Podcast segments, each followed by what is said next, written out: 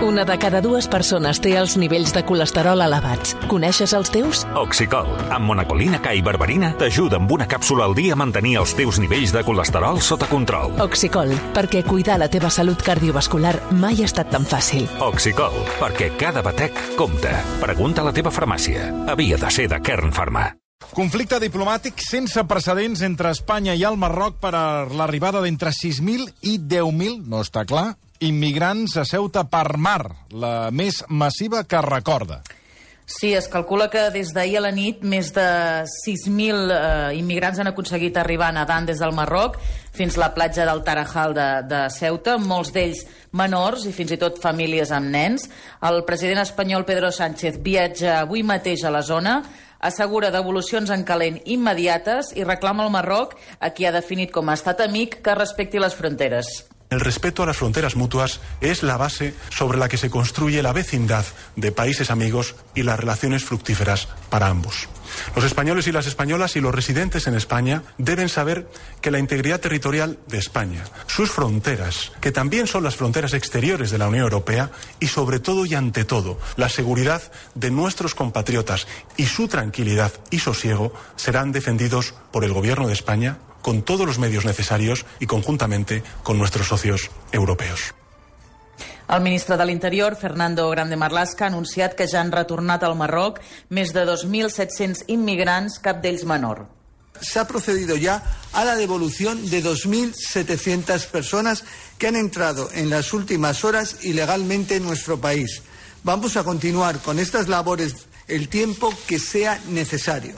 También hemos activado y desplegado a las Fuerzas Armadas, cuyos efectivos llevan desde esta madrugada participando en patrullas conjuntas con los efectivos de la Policía Nacional y de la Guardia Civil. També hi ha hagut un intent d'entrada a la tanca de Melilla. D'unes 300 persones han pogut entrar eh, uns 80 immigrants. Un Marlaska que no ha volgut respondre a les preguntes sobre la passivitat de la policia marroquina i si fins i tot haurien facilitat que passessin. Tampoc eh, que tot plegat sigui la resposta del Marroc a l'hospitalització a Espanya del líder del front polissari, Brahim Gali, greu per eh, Covid. L'ambaixadora del Marroc a Espanya, Karima Benyaik, però ha dit que hi ha actes que tenen conseqüències i s'han d'assumir, en clara referència a Gali. Protecció Civil a tot això i la Creu Roja de Ceuta estan desbordats atenent els menors d'edat que han arribat i no poden ser expulsats. El president de Ceuta, Juan, José, Juan Jesús Vivas, parla d'invasió i acusa el Marroc. El caos es de tal magnitud que en estos momentos yo no estoy en condiciones de poderle concretar la cifra exacta de, de personas que ayer llevaron a cabo esta avalancha que tiene todas las connotaciones de una invasión. Y creo que eh, si esto se afronta desde la perspectiva de crisis migratoria, eh, creo que es una equivocación eh, con la pasividad eh, clamorosa y creo que cómplice de las autoridades marroquíes. Pablo Maltés, director del diario Ceuta al Día. Buena tarde, buenas tardes. Buena tarde, buenas tardes. Eh, descríbenos ahora mismo cuál es la situación en este punto fronterizo, do- donde durante todo el día hemos visto muchísimas personas, sobre todo jóvenes marroquíes, que han traspasado esa frontera. ¿Cuál es la situación en este momento, a esta hora, a las 4 y 17? Bueno, pues mira, eh, parece que en las últimas horas, ¿no? Desde, desde el mediodía hacia aquí, más o menos, la, la situación ha ido tranquilizándose un poco. Eh, digo, digo un poco pues porque son muchas miles las, las personas que estaban esperando en el otro lado de Marruecos. Eh, también eh, yo creo que las mafias eh, tradicionales de la inmigración han entrado en juego y, y ya están tratando también de sacar su provecho de la situación causada ayer eh, enviando a prisa y corriendo a más masas de, de inmigrantes para que para que traten de colarse en, en, en esta situación y es verdad que sigue habiendo cierto goteo de entradas pero que la presencia del ejército y la movilización también en el otro lado de la frontera de las fuerzas del orden marroquíes eh, parece que está al menos calmando o, o atemperando un poco eh, ese, esa llegada por miles de personas que hemos vivido en las últimas 24 horas con gran zozobra en la ciudad autónoma de Ceuta, te diría yo, eh, no solo de las autoridades o de las instituciones, sino de la propia ciudadanía que está preocupada ante, ante lo que ha visto, porque lo ha visto todo el mundo. Hay, hay miles de personas eh, deambulando por las calles sin absolutamente nada que hacer, sin rumbo, perdidas, sin saber a dónde ir y sin que, sin que tan siquiera la policía o las ONG sean capaces de, atenderlas, de redireccionarlas y de llevarlas a, algún sitio. A partir, Pablo, de, qué momento ha reaccionado el gobierno español?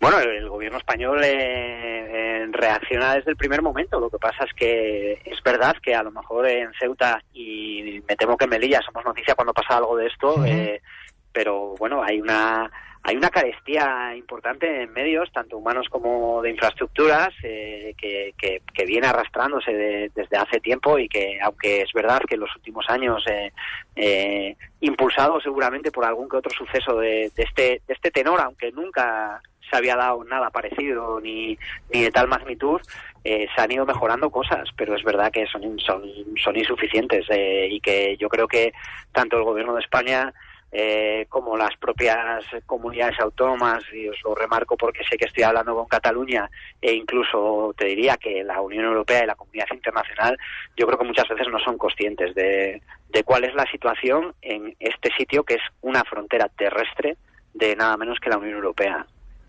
Se habla de entre 6.000 y 7.000 personas que han cruzado la frontera de golpe. Eh, ¿En eso hay, hay algún número un poco más ajustado o estamos en esas cifras? No, me temo que no. Me temo que no. Eh, es probable que, que quizás si se, si se llega a poder hacer un recuento un poco más ordenado a lo largo de, de las próximas horas, eh, si la situación se logra calmar un poco y se empieza a tener un cierto control de esas, de, de esas muchas, muchísimas personas que están todavía dándose vueltas por Ceuta sin saber qué hacer, eh, podamos tener una cifra. Pero bueno, oficialmente se dice que 6.000, yo creo que el 6.000 hay que ponerlo como al menos y que probablemente estemos más cerca de las 8.000 o de las 9.000 que de las 6.000. Eh, se ha publicado, hemos leído que eh, vecinos eh, de Ceuta estaban encerrados en sus casas, que muchas tiendas no han abierto y que algunos niños no han ido al colegio. ¿Eso ha sido así? Eso ha sido así. quizás a lo mejor contado así de golpe suena un poco tremendo y alarmista, pero sí, es cierto. O sea, pues por ejemplo, eh, te puedes imaginar que esto es un pueblo, aquí somos 84.000 habitantes, es pequeño, eh, además estamos muy concentrados, tenemos una gran densidad de población y pues eh, comercios como Zara no ha abierto. también hay otros comercios locales, joyerías y, y demás que, que, tampoco han abierto, gente que ha levantado la persiana y ha optado por cerrar pues porque no le ofrecía la situación que estaban viviendo, la seguridad suficiente como para operar en un día normal de comercio. Eh, y bueno, yo te puedo decir que en, el, en, las clases, en los colegios, aquí estamos haciendo doble turno por la pandemia, entonces los grupos han dividido en dos, reduciendo el horario lectivo a tres horas para cada grupo, en turnos de 8 a 11 y de 12 a 3.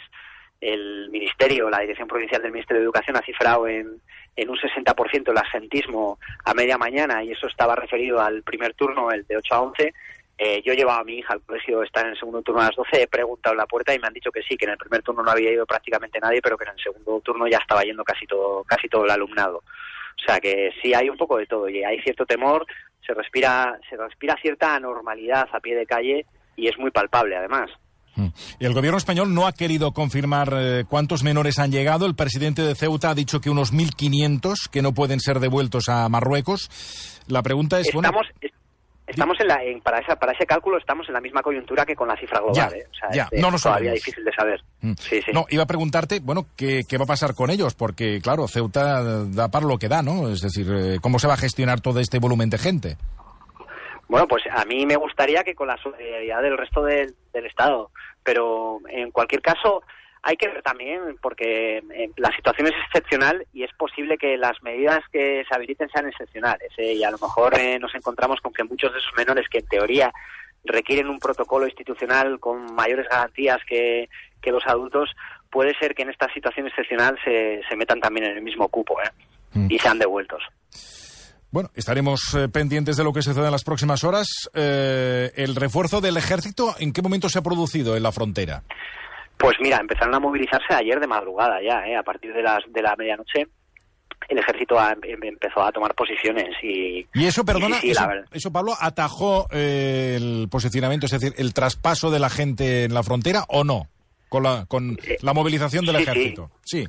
Claro, claro que ataja. O sea, cuando tú tienes un problema de esta magnitud, lo que necesitas es más personal para tratar de, de frenar y por lo menos controlar a los que lleguen, ¿no? Entonces, eh, en el momento que, que, la- que el- que las Fuerzas Armadas han desplegado, el control que existe sobre, sobre, sobre ese paso ilegal de personas es diferente del, del que había. Eh, si habéis visto las imágenes por televisión, sí. que me imagino que sí, habréis podido ver las tanquetas en, Sí, en la playa del, del Tarajal y, hombre, yo no sé, ¿no? Me puede seguir viniendo mucha gente y demás, pero tanto en el lado de Marruecos como aquí parece que las fuerzas eh, de seguridad y las fuerzas armadas se lo están tomando en serio y tal vez la miseria te haga a arriesgarte al máximo, pero, hombre, yo creo que una tanqueta impone.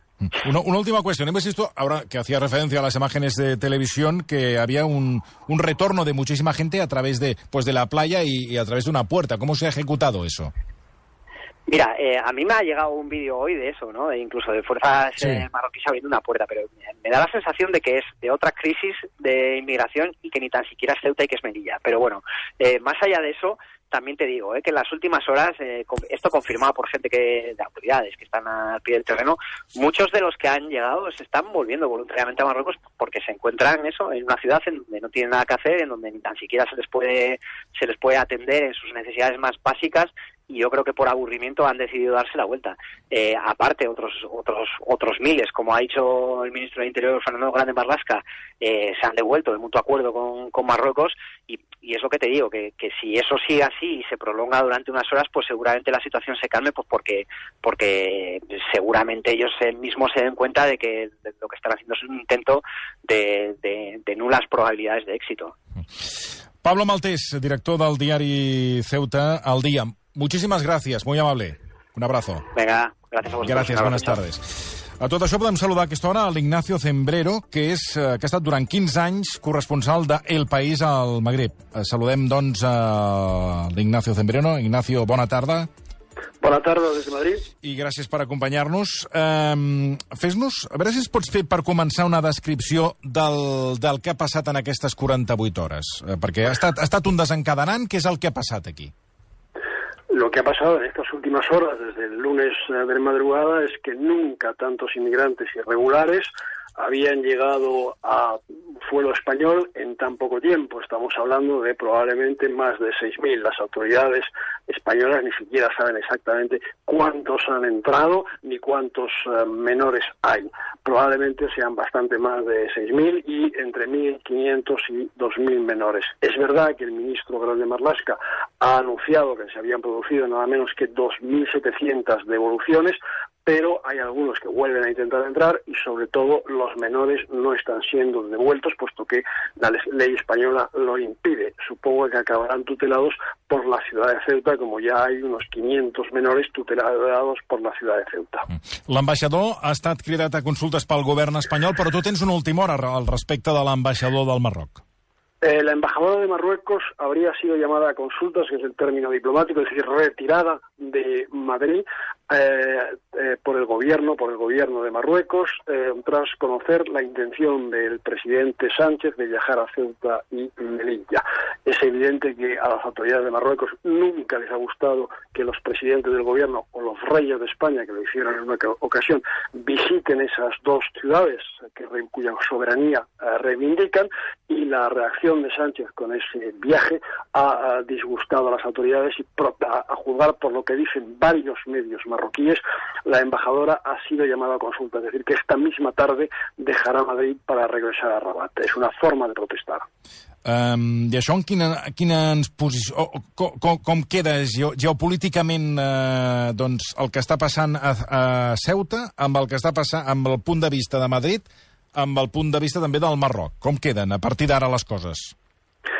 No sé cómo van a evolucionar las cosas. He visto que todas las intervenciones, de, por supuesto la del propio eh, Sánchez, más aún todavía la de los ministros del gobierno, eh, Marlasca, la ministra de Asuntos Exteriores, Escrivá, eh, etcétera, han sido todos extraordinariamente cautos y nadie, ninguno ha, ha acusado, ha criticado a Marruecos y ha eh, explicado que esto que había sucedido desde el lunes de madrugada en Ceuta era eh, consecuencia del enfado marroquí por acoger a Brian Gali en un hospital de Logroño. Pero esa es la, pura realidad y me gustaría subrayar hasta qué punto el discurso que mantienen los uh, dirigentes españoles es diferente, mucho más cauto, mucho más prudente, mucho más conciliador con, con Marruecos que lo que han podido decir en Bruselas o en el Parlamento Europeo varios miembros de la Comisión Europea que sí han sido críticos con Marruecos y le han pedido que actúen con, que actúe con contundencia para parar esta oleada migratoria. Porque me gustaría decir que no ha sido solamente la pasividad de las fuerzas eh, de seguridad marroquíes, creo que ha habido una auténtica complicidad por parte de las fuerzas de seguridad, por parte del Estado marroquí, a la hora de organitzar esta oleada migratòria que empezó el lunes de madrugada. Mm.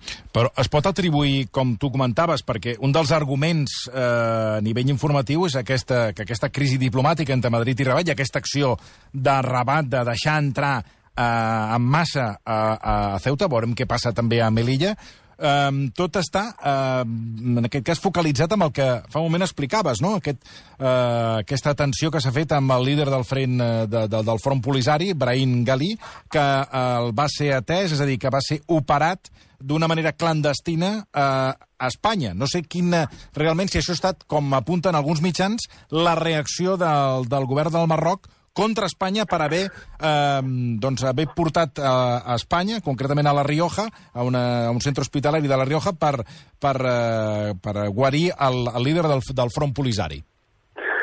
Esto ha agravado la crisis, pero la crisis venía ya de lejos, que hay que ponerle una fecha, yo pondría la del 10 de diciembre, el 10 de diciembre pasan dos cosas, uno de ellos, el presidente Donald Trump reconoce la soberanía de Marruecos sobre el Sáhara Occidental, es el primer país occidental que lo hace, es el primer país democrático que toma esa decisión, y ese mismo día también eh, Marruecos pide a España aplazar sin die la cumbre bilateral entre los dos gobiernos que estaba prevista para dentro de una semana. Yo creo que ese es el momento en que empieza a deteriorarse la, la relación. A partir de ahí, Marruecos, que se siente envalentonado por la decisión de Donald Trump, Marruecos empieza a presionar para que España y otros países europeos, lo hemos visto también con Alemania, Marruecos y Alemania están viviendo también una crisis, eh, Marruecos empieza a presionar, decía, para que España modifique su postura sobre el Sáhara Occidental.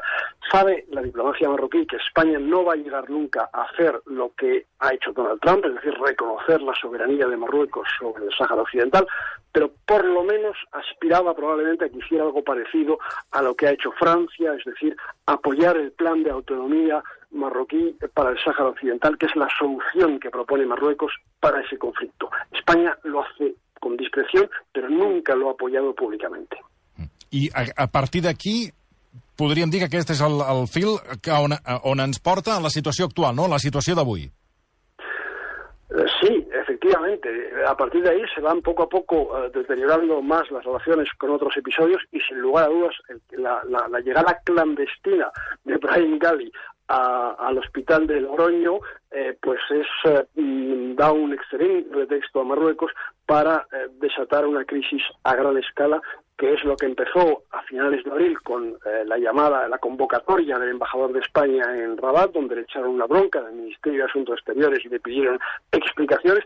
Después, dos comunicados muy duros de la diplomacia marroquí eh, sobre eh, el conflicto con España y ahora ya, desde ayer por la mañana, eh, pues esta oleada migratoria, repito, sin precedentes. El anterior récord fue en Canarias, en noviembre del año pasado, en, una, en un día llegaron 2.000 1.200 eh, inmigrantes irregulares a las islas. Eh, en lo que ha sucedido desde el lunes triplica esa cifra.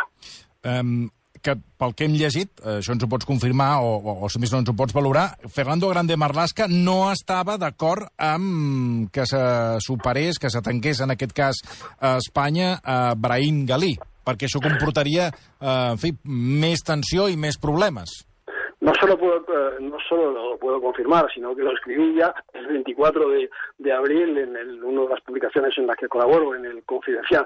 Efectivamente, eh, hubo cierto debate, la, fue la ministra eh, de Asuntos Exteriores la que trasladó la propuesta, la petición, mejor dicho, de las autoridades argelinas que querían que Brian Gali pudiese ser hospitalizado en España y hubo algo de debate. El ministro Grande Marlasca se mostró reacio porque temía una venganza marroquí mediante la herramienta migratoria, el instrumento migratorio, y en última instancia, evidentemente, el que zanjó el debate fue Pedro Sánchez, que dio la luz verde para que fuera hospitalizado en España. Cuidado, hay una larga tradición en España eh, de acoger a personalidades de países que tienen no tienen un buen sistema eh, sanitario para que vengan aquí a, curarse o a fallecer. En Barcelona, sin ir más lejos, falleció hace ya unos cuantos años, hace una, más de una década, Omar Bongo, que era el presidente de Gabón, y porque, porque estuvo hospitalizado mucho tiempo en España. Uh, bé, la, la pregunta ara que, que ens fem és això com, com es reverteix, perquè avui s'ha vist que aquest allau de persones, aquest allau d'humà, que no, no hem acabat de... que encara no sabem si són 4.000, 6.000, si això queda aturat, no queda aturat, um, i què és el que passarà en els propers dies, no, Ignacio? Què, què, què creus, cap a on creus que aniran les coses? Es lo que me gustaría saber. Yo no creo que nos quedan eh, y nadie lo sabe. Yo creo que nos queda. Primero, en, en, de lo que estoy seguro es que el Celta de lo mínimo son 6.000 y quizás más. Es verdad que hay varios miles que han sido devueltos, pero los adolescentes no serán devueltos. Eh, y no creo tampoco que todos los adultos que han entrado puedan ser uh, devueltos. ¿Y qué va a pasar en los próximos días? No me atrevería a hacer muchos vaticinios, pero sí creo que vamos a tener unos cuantos días de tensión por delante, eso como mínimo. Eh, la visita del presidente a estas dos ciudades en apoyo a la población de estas dos ciudades, que especialmente en Celta se siente amenazada, se siente muy preocupada por lo que ha pasado, el, el comercio ha cerrado hoy en Celta, por ejemplo.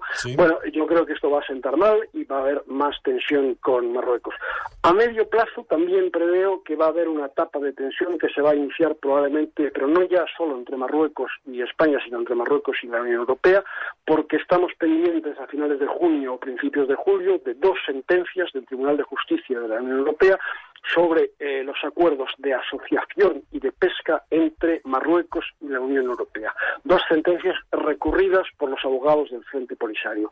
Y si no me equivoco, me, me puedo equivocar, tiendo a pensar que esas sentencias van a ser bastante favorables al recurso a, a los recursos presentados por el Frente Polisario, motivo por el cual Marruecos se volverá a enfadar con la Unión Europea, como ya lo hizo hace años. I aquests recursos de què es tracta, eh, pels que desconeixem aquest, aquest, aquests dos recursos? Esos dos recursos fueron planteados porque los acuerdos eh, renovados en 2019 entre, la, entre la, la, la, Unión Europea y Marruecos sobre pesca y, y, el acuerdo de asociación, que es fundamentalmente agrícola, incluían extensiones para el Sáhara Occidental previa consulta de la población local saharaui.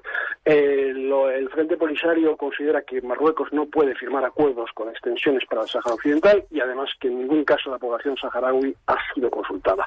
Lo llevó a los tribunales y eh, eh, la audiencia le tuvo lugar el 3 y 4 de marzo en Luxemburgo.